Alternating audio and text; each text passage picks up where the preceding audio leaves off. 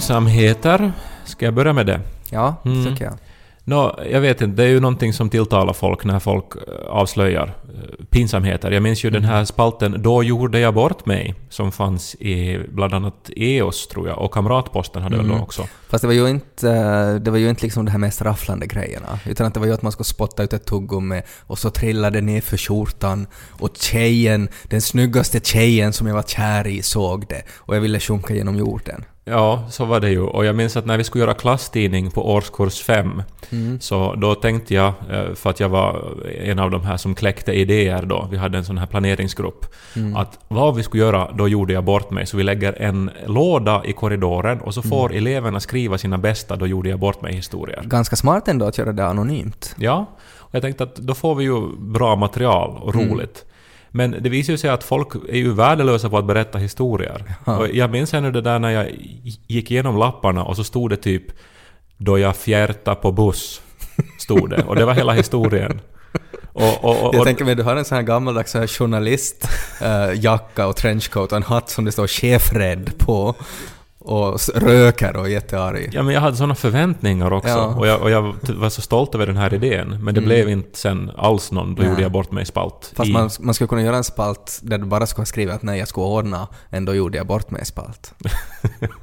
Så lite metahumor när Ja. man går på femman. Men jag har gjort bort mig idag igen. Och Okej. Eh, alltså, inte vet jag. Jag pratar för mycket om min stamning i den här podden. Eh, och det pinsamma är ju att vi klipper ju bort nästan alla stamningar och så det hörs ju knappt att jag stammar. Ja. Så att vi får ju Fast ibland, så går, tusentals... ibland går det inte att klippa bort. Det kan hända att jag utsätter dig för svårigheter Mm. ibland, min vän. Mm. Men eh, det här... eh, Ja men just alltså, ev- alltså eventuellt så vet ju folk inte att jag stammar. Jag För att- tror, ja, Ja, eller folk vet det men de tror inte att det är så allvarligt som det är ibland. nej, Att man tänker faktiskt- att ja, ja, du stammar lite ibland. Ja, men jag har ju haft en del historier här. För några veckor sedan berättade jag om hur jag spottade blod på en stackars turist. och, Och det är sådana här grejer som man inte förknippar till, till, liksom, till stamning, utan kanske mer då till någon sorts spetälska eller någonting. men, men nu blev det liksom en ny nivå idag. Okej. För att det här, ja, det var igen i samband med att jag då skulle hämta en sån här stadscykel. Det är ju bara någon vecka kvar nu. Det är roligt att stadscyklarna på något sätt är det som triggar din stamning mest. För att det är ju ändå så här, alltså stamning så blir ett problem när man interagerar med andra människor. Och just att, att hämta och föra en stadscykel är inte, det är ju ingen interaktion egentligen. Nej, i det här fallet handlar det väl om att det är ett ganska komplicerat system, tror Mm. folk. Så att de vill alltid då fråga av någon som de ser att har en cykel, att hur har du Ja. gjort för att få den här cykeln? och, eh, men nu var det då en kille, eh, igen en turist eh, som pratar engelska Mm. och som stamma. En stammare Oj! möter mig, En stammare. ja, Ja. och eh, frågar på engelska, stammar ganska ordentligt. Många, Spruta ner dig med blod först. Så det var sådär, ah, du stammar också. Och alla de här karaktäristiska sakerna med stamning Mm. då, att han inte håller ögonkontakt, eh, man ser hur obekväm han är Mm. och det här... eh, Och sen en massa blockeringar och det är svårt att höra vad han säger. Precis som det är för mig när det är som svårast. Ja. Och, eh, men då blir det ju så att när jag då ska svara honom och stammar så tror ju han åtminstone under 15 sekunder att, du jag härmar- hånar honom. Ja, att du härmar honom. Och den upplevelsen är riktigt konstig, för där försöker ju jag då eh, göra någonting som egentligen bär mig emot, för att jag vill ju inte heller stamma, Nej. men jag vill ju hjälpa honom, Ja. men så blir det fel. Och grejen är ju alltså att det är så ovanligt, alltså det är så sällan en person som stammar träffar en annan person som stammar. Exakt. Så att det är ju väldigt osannolikt att det här då skulle vara en äkta stammare han möter. Mm. Eh, Så det är ju de, de tankarna han tänker. Ja. Men så, alltså där då, så jag bara ser hur han alltså blir sårad och Mm. arg och, och liksom nå förvånad också. Mm. Och eh, sen till sist då så förstår han ju då att jag, att jag också stammar. För att jag fortsätter och jag har också mina karaktäristika då. Jag Mm. spottar inte blod den här gången.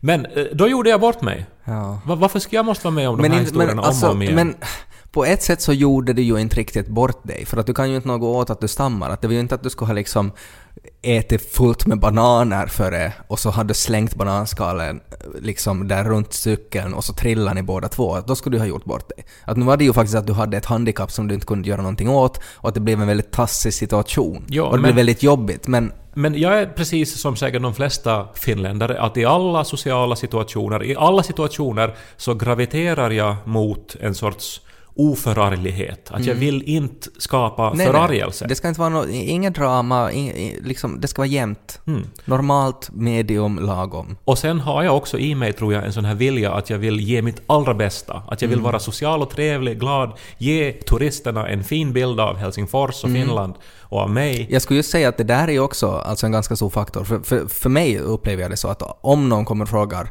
hjälpa mig, och framförallt på engelska, så då förstår jag, jag tar, det, jag tar mitt uppdrag på, med stor vikt. Nu är det jag som representerar hela Finland för den här enskilda individen. Exakt. Och då vill man göra det så bra som möjligt. Precis. Inte spotta blod på dem. Ja. Men det är det här då som, som jag inte kan. Nej.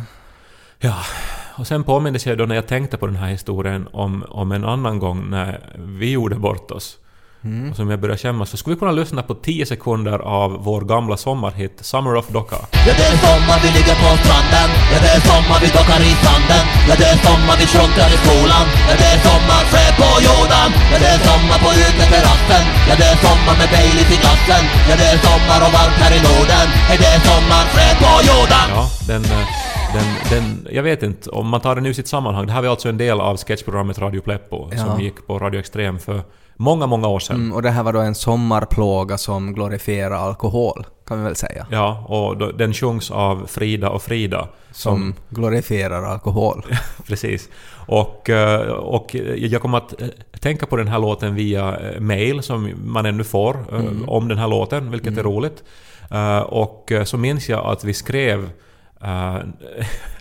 eller att det stod i en intervju, att, att vi sa i en intervju någonstans, alltså när låten släpptes, att eh, Doka är ju sen alltså österbottniska för att festa och dricka alkohol. för det Ja. trodde jag. Ja. Ja, ja, men det var ju för att vi inte... För att vi visste ju. Vi hade ju ingen aning. Men det är ju finska för helvete. Ja, det är ju det. Ja, Man säger det i hela jävla landet. Ja. Men eh, vi hade ingen aning. Men ändå att, att folk som gjorde den här intervjun då publicerade att ingen rättade oss. För att de var så här tänkte att okej, det måste ju komma från någon så här dialekt då. Att så där korkade kan de ju inte vara på riktigt. Eller var det där igen då, alltså vet du, för att eh, vi, vi då re, re, representerar ett humorprogram. Att de t- trodde att det där var ett skämt Ja. och att de inte kanske förstod skämtet. Nej. Och därför bara, att vi, vi bara citerar dem direkt. Ja, så då är vi safe. Ja. Men- Men det är ju pinsamt riktigt. Och, och alltså en sån här pinsamhet, den här värsta sortens pinsamhet så belyser ju hur patetisk man är på ett sätt. Alltså att det är inte bara att man gör bort sig och att det blir liksom pinsamt därför, utan att du gör bort dig, det blir pinsamt, men samtidigt så avslöjar du en stor del av dig själv. Och de, den här delen var då att vi har aldrig varit utanför Österbotten, vi har aldrig pratat med no, någon andra, några andra människor som inte pratar vår dialekt. Och vi vet absolut ingenting om alkohol. Nej. Nej, framförallt det. Jag trodde ju att tequila var en maträtt väldigt länge. Mamma frågar att vad skulle du vilja ha till lunch? Ja, Ja, nej men inte, alltså jag tror jag drack te- tequila för första gången när jag var kanske 25 eller 26. mm. och jag var ju också eh, just då Frida och Frida som glorifierar alkohol, så de pratar ju väldigt mycket om Baileys. Eh, jag hade ju aldrig druckit det. Jag hade Nej. ingen aning om vad det var. Och, och, Jag visste bara liksom att, att det, det var ett sånt här uttryck jag hade snappat upp någonstans, att okej, Baileys, det det är alkohol, är det. Och jag tänkte på något sätt sådär att ja, ja men att det, det är så här starkt, att de vill ha så starkt säkert. Och det är det ju inte då, utan att det är väldigt sött. Ja, men nu har vi då pinsamheterna ur världen. Kan vi gå vidare då med lite allvar och, och, och nya fräscha insikter? Mm. Låter Daniel Häggman spela, spela oss vidare. Som en fräsch vind. Nessi buen purmo puuttuu össärbotning Som talar sitt så popna popcorn Så börjar vi Popnu denna popcorn Så börjar vi Lys på Ted och Kai Det är ju alltså otroligt mycket som har hänt. Jag har varit en vecka på resa och jag kommer tillbaks till ett internet som är i upplösningstillstånd. Till en otrolig mängd olästa artiklar som jag igår kväll då försökte desperat eh, uppdatera mig på. Massa spännande och viktiga och också upprörande diskussioner och grejer. Det har hänt mycket. Det har hänt mycket. Jag har tre saker, tre, eller tre, tre rubriker som vi borde prata om tycker jag. Okej. Den första är dålig journalistik. Ja. Eh, Den andra är metoo, eller hashtag metoo. Ja. Den tredje är dödsstädning. Okej. Och jag vet inte, alltså, ska vi välja en? För det är så stora ämnen allt det här. Nej, jag tycker vi ska prata om alla de där tre. Jag, jag, jag tyckte att det fanns, det var intressant. Allt det där. Ja. Nå, men vad ska vi börja med då? Eh, Nu jag fastnade på det här dödsstädningen. Ja, jag undrar också så här. Det är ju när man gifter sig så ska det ju vara någonting gammalt, något nytt, något lånat, något blått. Mm. Skulle man kunna krysta in det här att det är liksom temat för den här podden? Att vi ska ha någonting av allt det här? Om det är något tema för, för, för vår podd så är det väl nog att vi krystar ihop grejer. Så att jag tycker att det var en strålande idé. Ja, så vi skulle börja med eh, dålig journalistik då? För att det är något gammalt. Eller så är det någonting nytt. För att jag tycker att det har ju blivit så. Att, eh, att eh, nu för tiden så är det ju inte journalister som alltid gör eh, våra nyheter utan Mm. ofta är det ju helt amatörer eller någon som har en åsikt och, och sen så... Mm. Svårt så att se skillnaden mellan journalistik och bara åsikter. Precis. Mm. Och eh, nu var det ju då en sån här artikel i Anna-Lehti. som, som, som riktigt chockerade mig när jag Ja. satt på stranden och läste den. Ja. Alltså en kvinna då som har levt en vecka på 50 euro, eller alltså hon ska då säga att går det att leva på 50 euro, som väl är någon sorts eh, bidrag då som eh, en arbetslös får. Och att, går det att klara sig med mat Mm. eh, på en sån summa? Och du har läst den här artikeln? Ja, jag, jag, såg, då. jag såg den här då och det var väl grejen var väl då att hon kom fram till att, att det går riktigt bra så länge man har en, en pojkvän som, som bjuder grejer åt en och så länge man har liksom fyllt kylskåpet och skafferiet med mat före den här veckan där man ska leva på 50 euro. Och sen vet- också att man har ett sånt jobb där man får äta brunch och får äta sig mätt på brunchen. Ja, men jag tyckte alltså att alltså för... Alltså nog har jag varit medveten om att det finns dålig journalistik där ute. Mm. Men ändå, alltså, och, A- Anna Lehti är ju inte heller, det är ju inte Nej, de vinner ju, Time Magazine direkt. de, de vinner ju inte Pulitzers. Nej, men jag vet att det är en tidning som har funnits väldigt länge. Jag Så är det. Att min mamma läste den. Så är det, och när man ändå liksom, jag jobbar ju på en redaktion, att jag förstår att det är liksom, innan publicering så är det ganska många filter som en grej går igenom. Och, och, och det är ofattbart för mig att, att liksom, jag kan förstå att någon går igång på den här idén och att någon är sådär att nej men att okej, det här ska vi skriva, att du kan skriva om det här. Att det är liksom, där är det helt fine. Men att sen få den här produkten och att ingen i något skede skulle ha läst det och ställt frågan att ja, ja, men så du, du, du gjorde alltså inte det här då som du skulle göra. Ja, men alltså grejen då som ju är det vi stör oss på nu då är dels att eh, den här journalisten inom citationstecken då uh, inte räknar med saker hon redan har i kylskåpet. Utan det som redan fanns där så räknas inte det här 50 euro. Nej. Hon får alltså äta hur mycket som helst av det som redan fanns. Och det gör ju att hon kan eh, äta hela veckan Ja, ja. utan att använda ett öre. Nej. Och sen också då att eh, hon eh, låter sin pojkvän betala. Mm. Och sen att ungefär tre av de här sju dagarna så ordnas det brunch på jobbet. Ja. Där hon får äta gratis och passa på att äta sig så mätt att hon inte måste äta på resten av dagen. Ja. Jo, ehm, Jag vet ju inte var man ska börja nej ens. jag trodde ju först ja att okej att nu, det här är ju någon sorts satir. eh, som Anna Lehti har börjat med. Eh, för jag tänkte att det kan inte vara sant det här. Att det måste vara någonting, det måste vara på, skoj och så är det någon som har missuppfattat att det här var på, skämt. Och så, så blev det till en sån här diskussion om det. Men det är ju, det är ju helt sant. Och det här, alltså, alltså, jag undrar om det var liksom Morgan Spurlock som startade det här att man då eh, under en viss tid ska som testa någonting, liksom lajva liksom en situation. Eh, och, och, och så efter det hade liksom spridit sig att det här är ju det som alla vill göra idag då. Att, man, att man som ser hur det skulle vara om man levde en annan verklighet. Så man kan identifiera sig på ett annat sätt. Ja, och eh, sen...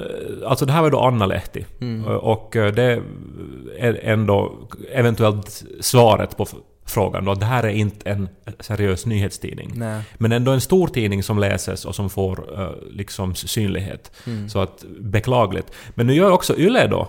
Eh, jag läser igår om... Alltså eh, en kille nu då som under ett år har prövat på 12 religioner. En religion per månad. Hade han då färdiga religioner i, i liksom sina skåp? så att han bara tog ut dem? Och en pojkvän som hade massa religioner färdigt. Nej men alltså jag vet inte hur jag ska angripa det här heller. Alltså jag har försökt läsa de här artiklarna och, och liksom se att vad är det Yle försöker göra nu då? Men vad är det alltså att han har, jag, jag såg bara rubriken men jag, jag läste inte där, alltså för att, för jag tyckte att okej, okay, det, det var lite konstigt. Uh, alltså att han har en religion per månad. Att nu är jag nu sysslar jag med Bahai i april och sen är jag satanist i maj. Exakt så, och han har också varit satanist eh, okay. under en månad. Ja. Och sen är han kristen under en månad och sen mm. har han prövat på no, alltså, ja, olika eh, religioner. Också ateism, alltså mm. vissa saker som väl kan snarast klassas som filosofier och inte religioner. Men, men nu är jag, jag är inte liksom otroligt insatt i att vara religiös. Men handlar det inte om att man ska tro liksom på någonting. Yeah. Och, och är det inte liksom hela grejen då att, att det kanske är omöjligt att tro, att så här bestämma att vad man ska tro den här månaden och sådär? Nej men alltså jag tänker ju på den här äh, låten av Pulp, Common People, där det ju då är en tjej som är rik och som vill pröva på hur det är att vara fattig. Mm. Och sen så träffar hon då sångaren i Pulp och så liksom vill hon att han ska lära henne hur det är då att vara fattig. Mm. Men grejen är ju, som han då konstaterar i låten, att hon kan ju aldrig veta hur det är, för att hon kan alltid ringa sin pappa och så, mm. och så uh, det här uh, tar det slut. Mm. Det, det, är ju just det med allt sånt här, att det finns ju inte alternativ. Nej, det fin- man, kan, man har ingen, liksom, ingen skyddnät. Och, och finns det något sånt, att finns det en abort-knapp, så då kan man aldrig veta hur det är till 100 procent. Precis. Och liksom är man född in i ett kristet hem, alltså ett fundamentalt kristet hem. Vi är ju alla födda, eller jag menar både du och jag är ju döpta till exempel. Mm. Även om ingen av oss är från ett riktigt kristet hem. Nej. Eh, men, men, men som... Vi hade inget val, liksom att vi hamnade i kyrkan. Exakt. Och de som då föds med såna här fundamentalistiska rävfarmande teologer i Österbotten till exempel, mm. så har ju inget, inte heller något val. Utan de, liksom, de anammar ju det som pratas om där hemma och de uh, blir ju förstås en del av det hela. De har inte alternativ. Nej, så är det. Och, och det, är ju, det är ju någonting som man absolut inte kan undersöka som journalist. Mm. Speciellt inte på en månad. Nej, det, det är kanske lite... Men kanske finns det ändå någonting man kan få ut av det där. Alltså att, att eh, hur, hur den här livsstilen är och som kan få en att inse någonting, någonting nytt. Så, så här säger den här journalisten då. Idén kommer från att jag läste om en amerikansk bloggare och författare som bestämde sig för att testa på 30 religioner innan hon fyllde 30. Då började jag fundera att det skulle vara kul att testa på någonting motsvarande. Mm. Och den här inställningen till re, re, religion så underkänner ju hela det här projektet. Jo, på ett sätt. Men kanske man kan få så här insikter att okej, okay, som satanist så får det mycket pengar i veckan till ljus. Och, att, och så kan man tänka sådär att, att det borde finnas liksom någon sorts understöd för, för satanister för att de ska få köpa så här getkranium och, och, och svarta ljus. För att, att det, det, det, liksom, det får 30 euro i veckan minst i det. Ja, men det blir ju alltså, vet du, allt idag ska vara vet du, som prisjakt.com. Alltså, vet du, alltså att man ska kunna som få en överskådlig blick enkelt mm. över riktigt komplicerade saker. Ja, och, och, och, det där, man kan ju inte riktigt sätta en religion på det. Man, det är ju inte någon som bestämmer sig att okej, okay, nu har jag blivit religiös, nu måste jag bara fundera vilken religion det är. Och så går man då till, till religionjakten.com och så ser man plus och minus, vad som är bäst. Taoismen, det är ganska bra. Ja, det är en sån här ytlighet och en, en, en ytlighet som är typisk eventuellt för idag och som är riktigt dålig journalistik tycker jag. Mm. Så var jag arg då. Ja. Mm. Så här länge tog det mm. idag. Och så har vi ännu två, två, två, två saker kvar. Dödsstädning och metoo. Ja. Vilken blir bäst att ta först? No, metoo får väl vara det här någonting gammalt då på, mm. på, på den här listan över bröllopssaker. Och då mm. menar jag inte att det är någonting som inte är aktuellt. Det är ju verkligen aktuellt. Men det, det som jag menar är att, att redan nu så har ju nästan allting sagts om metoo. Uh, och att uh, vi är ju nu kanske för förhoppningsvis så, så, så ska ju metoo bli till en lång eh, diskussion som sen verkligen får följder. Jag tycker det har redan fått följder. Jag tycker att det redan att det kommer bara fram mer och mer vilka, vad som händer. Liksom, framförallt i medievärlden, alltså TV, teater och film. Uh, att det kommer fram förhållanden som verkligen inte är okej. Okay. Och, och som har konsekvenser, alltså folk börjar få sparken. Och det är ju bra. Ja. Jag vill ändå bara förtydliga att när jag sa det är någonting gammalt så, så menar jag att redan under de här fyra, fem dagarna så har nästan alla synvinklar skrivits mm. om. Vet du. Men att, var... att vi nu i podden inte kan komma kanske med någonting riktigt Nä. nytt. Men du var i Dubrovnik och drack öl. men följde ändå med och mm. Eh, blev ju alltså faktiskt, som jag också har läst eh, mångas reaktioner, alltså att man har blivit helt golvad av den här mängden. Ja, och det är, ju, det är ju den här första reaktionen. Sen tycker jag, eller det, den reaktionen som jag är inne på nu är att jag, jag, jag, tror, jag vill inte riktigt säga något, utan att jag tycker bara att jag i egenskap av heterosexuell man, uh, jag, ska, jag vill bara vara tyst nu. Att jag ska bara skämmas och tycka att det är sorgligt och ska inte säga något mer. Och, och ta det på det sättet. Så är det, och jag tänkte ju ett tag liksom att jag som homosexuell man eventuellt nu då får gå fri här då. Mm. Men så liksom insåg jag då att nu har jag suttit med också i liksom kafferum, i omklädningsrum, i, vid bord där det har liksom uttalats riktigt alltså idiotiska och, och äckliga saker och jag har aldrig liksom heller lagt ner någon fot. Nej, nej, nej och det, och det är precis så är det ju och, och så har man tänkt på och därför ska man skämmas och tänka att nu ska man inte vara med om något sånt mer. Ja, alltså det svåraste som att att inse så är väl just den här normaliseringen av sådana här saker. Att, att jag har många gånger tänkt också att ja men de är fulla. Mm. Alltså det här är ju bara sån här idiotisk fylleläppe. Mm. Eller så har man tänkt att ja men att de, han är så gammal. Att det var liksom andra tider. Ja. Att, att de, det är liksom okej okay för deras generation. Och det är ju löjligt att man har en sån ursäkt. Ja, alltså just den här normaliseringen så visar ju bara på hur otroligt inrotat det här är mm. i samhället. Mm. På ett sätt alltså tycker jag kanske den, den starkaste symbolen för hur vidriga karlar är, så var det jag läst om att man alltså har ritat en kukbild på Mars. Mm. Och, och, när jag hörde det här så tänkte jag att det här kan ju inte vara sant. Men ja. nu har jag då googlat att det verkar vara sant. Mm. Att man alltså med de här, eh, de här utsända fordonen som mm. då kör omkring på Mars, mm. så har man ritat en dickpic. Mm. Uh, som en läppa säkert. Ja. Eller jag, jag vet inte, för det är ju så konstigt. Säkert, ja, nu är, nu är det säkert som en, ett skämt. Men vad är det i karrar? Och det här med att visa kuken. Ja. Det är riktigt hemskt är det. Och det finns ingenting att skylla på.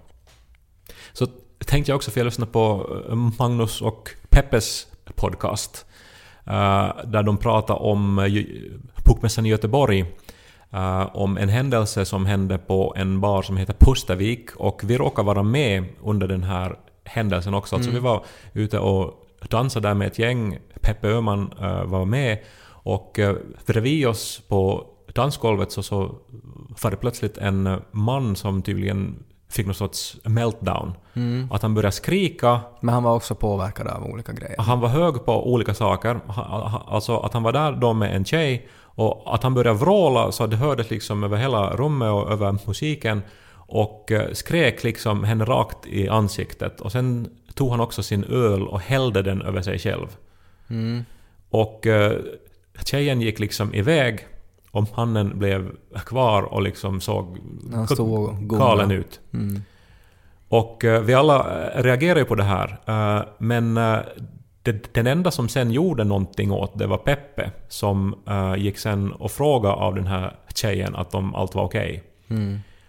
Och det där liksom Eh, hände och så glömde jag det, men att nu när det har varit den här metoo-diskussionen har jag som försökt förstå eh, med mig själv där och varför jag inte reagerar. Mm. Nej, alltså till mitt försvar så tänkte jag att eh, hon, alltså den här tjejen, så hon, hon såg inte alls ut som ett offer just i, i situationen utan att hon, hon var förbannad på honom och, och, och betedde sig ganska starkt tyckte jag. Att det var så att okej, okay, hon behöver ingen hjälp, att hon fixar det här. Och, och jag menar, han, var, han stod och hällde öl på sig själv så att han var inte heller liksom... Han var mest patetisk. Och, och, då var det sådär att okej, okay, det ordnade sig liksom att hon gick iväg och han blev kvar där och stå. Och, och så upplevde jag att okej, okay, men nu, då är det fine. Jag tror att skulle, skulle, skulle han ha liksom gjort något annat, betett sig mer aggressivt på ett sätt, så då tror jag att fler människor skulle ha ingripit. Men att det, är också, det tyder också på den här normaliseringen, att man tänker att ja, jag menar att han står och skriker där lite. Fine.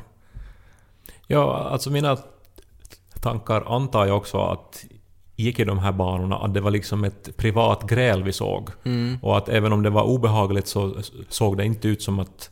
Eller det, det såg ändå ut som att den här tjejen liksom visste vad hon gjorde. Mm. Och, och liksom att, eh, att det inte förelåg en direkt fara. Nej. Men ska man nu då måste inse att män är ju alltså tydligen vidrigare än vad jag har förstått vid, vid män. Och att man aldrig ska ta det för givet heller. Mm. Att, eh, att det här är nu ingen fara. Nej. Så bland annat de här sakerna fick metoo mig att tänka på hittills. Och jag antar ju att det är som någonting som får långtgående konsekvenser här ännu. Ted och Kai. Borde ha något lånat och något blått ännu då. Mm. Uh, Jag köpte blå byxor. Ja. Mm. Har du dem på dig nu? Nej, för Nej, att uh, jag beställde de här då på nätet. Mm. Det var alltså Pharrell Williams som hade designat en kollektion med byxor. Okej, jag tänkte på något sätt att det var alltså second hand att du har köpt Pharrell Williams byxor. Men det är hans kollektion. Ja, Otippat, Ja. kanske. eh, men jag tror att det här är väl då ett trevande försök. Hur Det- skulle du beskriva Pharrell Williams musik, äh, så här kläddesign? För jag måste erkänna nu, kanske kommer som en överraskning, men att jag är inte insatt. Jag skulle säga att han hör ju till den här Stella McCartney-kategorin. Att, eh, att liksom han pullar it off vad han än gör. Så får han det liksom att funka. Han är det ju, Stella McCartney-kategorin? No, hon gör, tycker jag, märkliga kläder, men ändå så, eh, så, så makes de sense. Nu Är det, här första gången, är det här första gången vi pratar mode i den här podden? Nej men det är ju ofta så med mode att liksom det... eh, Vet du, I sammanhanget så är det som att wow, häftigt, snyggt. Mm. Men väldigt få saker skulle ju jag kunna bära När, det, själv. när man tittar på de här modeshowerna när de går på catwalken så är det ju att de har på sig kläder som, som är liksom ditsatta med tejp. Och som man skulle ju bli... äh, Alltså, äh, polisen skulle komma och tackla en om jag skulle gå med de där kläderna som de har. Ja, men, men det är ju så, det, det är ju faktiskt väldigt få av de här plaggen som skulle kunna bäras av väldigt många. Ja, av, av ens av få. Mm. Men, men när jag nu då såg de här jeansen och de, jag tyckte de var så- fina på Pharrell. Mm. Och så tänkte jag, ja Så men... du, du tycker Pharrell Williams är snygg, det är egentligen det det handlar om. Och så var, de, så var de dyra och jag satt och funderade där och, Mm. och jag tänkte att ska jag nu, ska jag nu våga? För alltså det, det är också lite roligt det där när man gör ett djärvt klädval. Mm. Och om det funkar. Ja, För då, då har man på något vis tagit ett eh, mentalt steg, Mm. tycker jag. ja. Så, så är det ju förstås. Uh, och så där som, som österbottning så är det ju eh, är, är det ett viktigt steg att ta för att det är bara sådär att, att man bestämmer att jag tar inte lippis till exempel och så är det som ett stort steg. Ja, men just det. Jag, jag minns också alltså att mina... Mitt första trevande försök ut ur skåpet Mm. när jag var typ 20 och var i Åbo så var att jag skaffade röda skor. Mm. Och det här var... Det var ett cry for help. Eller det, det var... Kan någon hocka att jag är bög? Nej, men att det var för att jag ville så ha de där skorna. Ja. Men i Österbotten, alltså hemma i Esse, skulle jag aldrig ha vågat ha dem Nej. då. Nej, nej, förstås. Eh, Men när jag sen skaffade dem och gick omkring med dem Mm. och folk tittade, man såg vet du att för de lyste ju som, som en massaker de här skorna. Mm. Och, men att eh, jag mådde bra för att jag ändå klarade av det tyckte jag. Mm. Men de här byxorna nu då som kom på posten som Pharrell Williams då hade- Men är det sådär nu att om jag skulle fråga dig då sen när du har de här byxorna på dig att, att “Who are you wearing?” så kan du säga Pharrell Williams. Ja, no, det skulle jag säkert ha kunnat Jag säga. har aldrig haft några sådana kläder, men jag har alltid tänkt, alltså för att jag tycker ju om att, jag har ju kläder från loppis, och då skulle det vara roligt att veta att, liksom, att ja, det är faktiskt Bodil hette hon som hade den här jackan för Eh, och det är ju kul tycker jag, för när man får den här frågan att “Who are you wearing?” så det är alltid någon designer, men att det skulle vara kul om man ställer folk som har loppeskläder. Jag tänkte också i och med att det nu är Helsingfors bokmässa i helgen, Mm. den startar på torsdag. Vi kommer att vara där.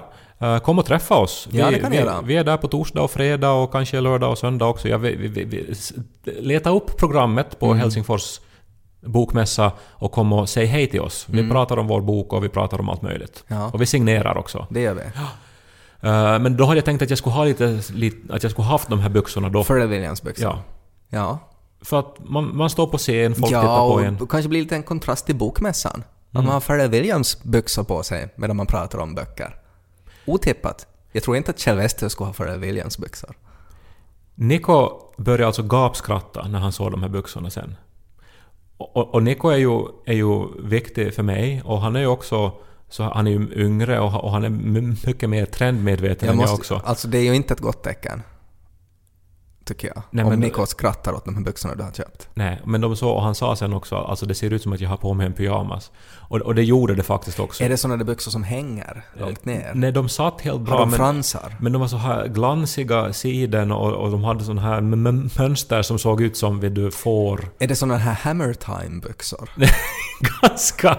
MC Hammer skulle ha kunnat Ja, ha de där är det byxorna. såna? Ja, precis såna byxor var det. Du kan inte ta dem på bokmässan. Nej men de såg så bra ut på Pharrell Williams. Mm. Men de såg eh, löjliga ut på mig. Alltså det måste jag säga. Alltså det är någon sorts så här harembyxor du har köpt? Men jag kommer att lämna tillbaks dem. Okej. Mm. Men kommer du att ha dem på bokmässan? Nej, jag kommer inte att ha den på bokmässan. Okej. Så att ni kan med tillförsikt komma och se mig... Men borde, borde du inte sätta på dig byxorna och ta ett foto och sen ställa liksom någon så här frågan, någon så här hot or not, alltså sådär att, att eh, eh, kanske Niko har fel? Varför ska du lita bara på Niko? Det kan ju hända att den stora massan vill se Kai Korkeaho i Pharrell Williams harenbyxor. Nej, man, man vill inte. De har ju just haft på Vasa Teater så har de ju haft Aladdin. Kanske finns det några kläder du skulle kunna låna där också? Såna här spetsiga skor. Ja, om MC Hammer skulle ha varit med i Aladdin så Ja. skulle han ha haft de där byxorna. Okej. Kan vi gå vidare Ja, till någonting... Vi har någonting lånat kvar nu bara då. ja, just det. Men inte vet jag hur vi får in det här. Jag har bara den här... Dödsstädning. Ja, men är det lånat då? Kanske det. Mm. Man... Man... Det beror på vad du tänkt prata om.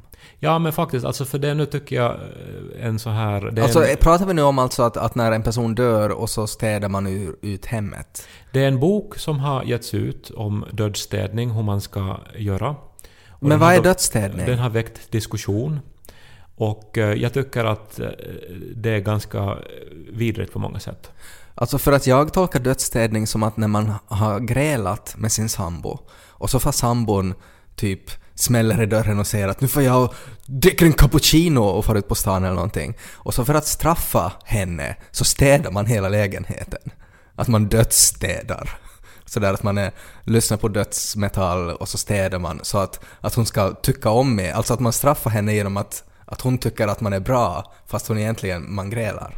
Jag tycker att det låter som att man försöker eh, liksom blidka då, om man Ja, städar hela Men lägenheten. det också. Men att man tänker sådär att haha, hon ska nog tycka om mig fast jag är ett asshole. Jag tänkte ju att det, det handlar om det här då att om någon närstående dör, Mm. som till, till exempel när min mommo eh, dog för tio år sedan, så då städade min mamma ur hennes hus. Mm. Och eh, att jag antog att det var det som var dödsstädning, Ja. att man städar ur ett dödsbo. Det, det var det första jag tänkte. Ja, men nej. Det handlar alltså om att man vill nu få äldre människor då att städa sina hem så att de anhöriga inte ska behöva städa ur hemmen sen.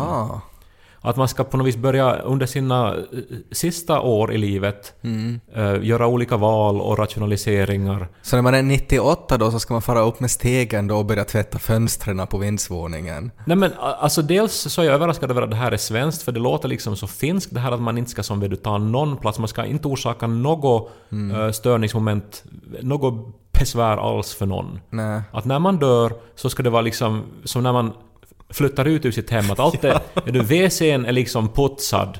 Man ska ha, när man känner på sig att okej, ikväll kommer jag att dö. Så då ska man, då ska man liksom bädda sängen färdigt och så ska man nog som lägga sig i sängen och liksom dö i sängen. Men sen så ska man ha en likpåse färdigt på golvet. Så att det sista man gör är att man uh, rollar ner den och så ska man ännu dra fast den. Så man är liksom ett färdigt paketerat lik. Ja, och sen också kanske man borde ha en mekanism då så att när man ramlar av så har man ett rep i sin fot då som på något vis via någon sorts block och talja drar lakanen från sängen in i tvättmaskinen.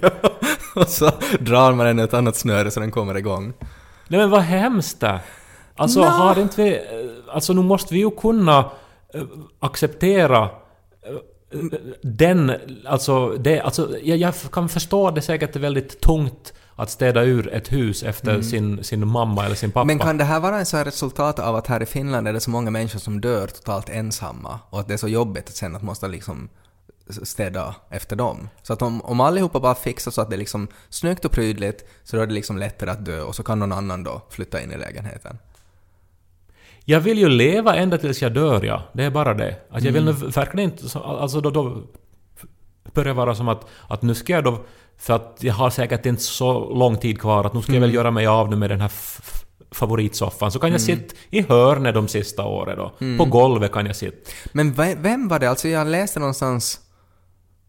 eh, eller var det någon som berättade om alltså en, en sån person? Som, som är väldigt i förtid börjar planera för döden och, och börjar liksom testamentera bort sina grejer medan hen ännu levde. Och var sådär att nu ska jag flytta in då i en liten, liten lägenhet jag, för att jag kommer bara att leva några år till. Och sen levde den här människan typ i 20 år ännu, då i misär i en vit etta någonstans, utan några saker, för att den hade liksom donerat allt. Ja, men det är ju dit det här strävar. Ja, och det är ju dumt. Att man går omkring där då i en potatissäck, för man har liksom gett bort alla sina Pharrell Williams-kläder. Jag, jag är väldigt ambivalent till det, för på ett sätt så gillar jag den här effektiviteten i det, att det är någonting som jag själv skulle kunna gå igång på, att se till att allt är liksom allt är liksom i tipptopp skick när jag dör. Men samtidigt så skulle jag också vilja se till, jag, jag skulle jag skulle liksom verkligen inte vilja att, jag skulle vilja att det ska vara ett helvete att dödsstäda efter mig. Att jag skulle vilja göra liksom en massa grejer, börja prenumerera på massa olika tidningar och, och köpa saker på kredit och sådär. Att, Göra riktigt svåra lösenord till alla tjänster. Ja, nej men sådär att, att när jag har varit död i ett halvår så kommer det en fyrhjuling på posten som, som jag har skrivit då något så här 20-årig kontrakt, avbetalningskontrakt som är ett helvete att få bort. Bara på något sätt för att, att det ska liksom att, att, att det är ett sätt att bli ihågkommen också. Hur jobbigt det var när Ted dog. Eh, det skulle kanske vara en businessidé, en liten app där man bara trycker på en knapp och så börjar man prenumerera på allt, sätter in sitt Visa-kort, beställer en massa grejer i ens namn. Ja, det, alltså, om man har en jobbig släkt så är det här jättebra. Att man har i testamentet sådär allt man äger så att man har någon småkusin ska få 17% av mitt hus. Och sådär. Med en liten klausul att det går bara att om farbrorn bor där också. Eh, och så vet man då att de kommer inte överens. Skojigt. Väldigt skojigt. Mm. Kära vänner, vi kanske måste avrunda här nu. Vi har pratat... Jag, jag, blev, jag, jag, jag blev så upprörd. Ja, så det jag har märks inte att ens du hunnit har... prata om min resa. Nej, jag- det märks att du har varit på semester och, och att du har haft liksom mycket in i dig som du kom ut på något Ja, sätt. ja, men jag har bara pratat kroatiska med Niko hela Ja, veckan. ja. Så det var skönt att få prata ut med dig. Men och, och, och med er, kära lyssnare, vi måste ju äh, nämna nu att det sker lite förändringar i den här poddens distribution. Så är det. Eh, information här. Eh, den här podden så har ju funnits på en massa olika ställen, bland annat Soundcloud. Och nu är det faktiskt så att vi kommer inte att finnas på Soundcloud längre. Nej, vi avbryter vår relation med Soundcloud. Mm, vi gör spott- slut. vi spottar blod i ansiktet på Soundcloud. Ja. Eh, och eh, istället så kommer vi att finnas på Spotify. Ja, också. så den här podden hittar man eh, fortfarande på iTunes och där man prenumererar i sin smartphone. Och man hittar den fortfarande på arenan, Yles Arena, men nu också på Spotify. Och alltså inte på Soundcloud. Så att om du har lyssnat på den här podden på Soundcloud, då ska du börja lyssna på någon annan tjänst istället. Ja, Helt för vi enkelt. Mm. vill ju absolut att du ska fortsätta lyssna. Och eh, tack för att ni lyssnar. Eh, tack för att ni hör av er. Ted och Kai at yle.fi. Mm. Och eh, på Bokmässan i Helsingfors så kan ni träffa oss Mm. nu på torsdag och fredag. Och eh, så hoppas jag vi hörs nästa vecka. Ha det bra. Puss puss. Ted och Kai, Ted och Kai, Ted och Kai. Ted och Kai.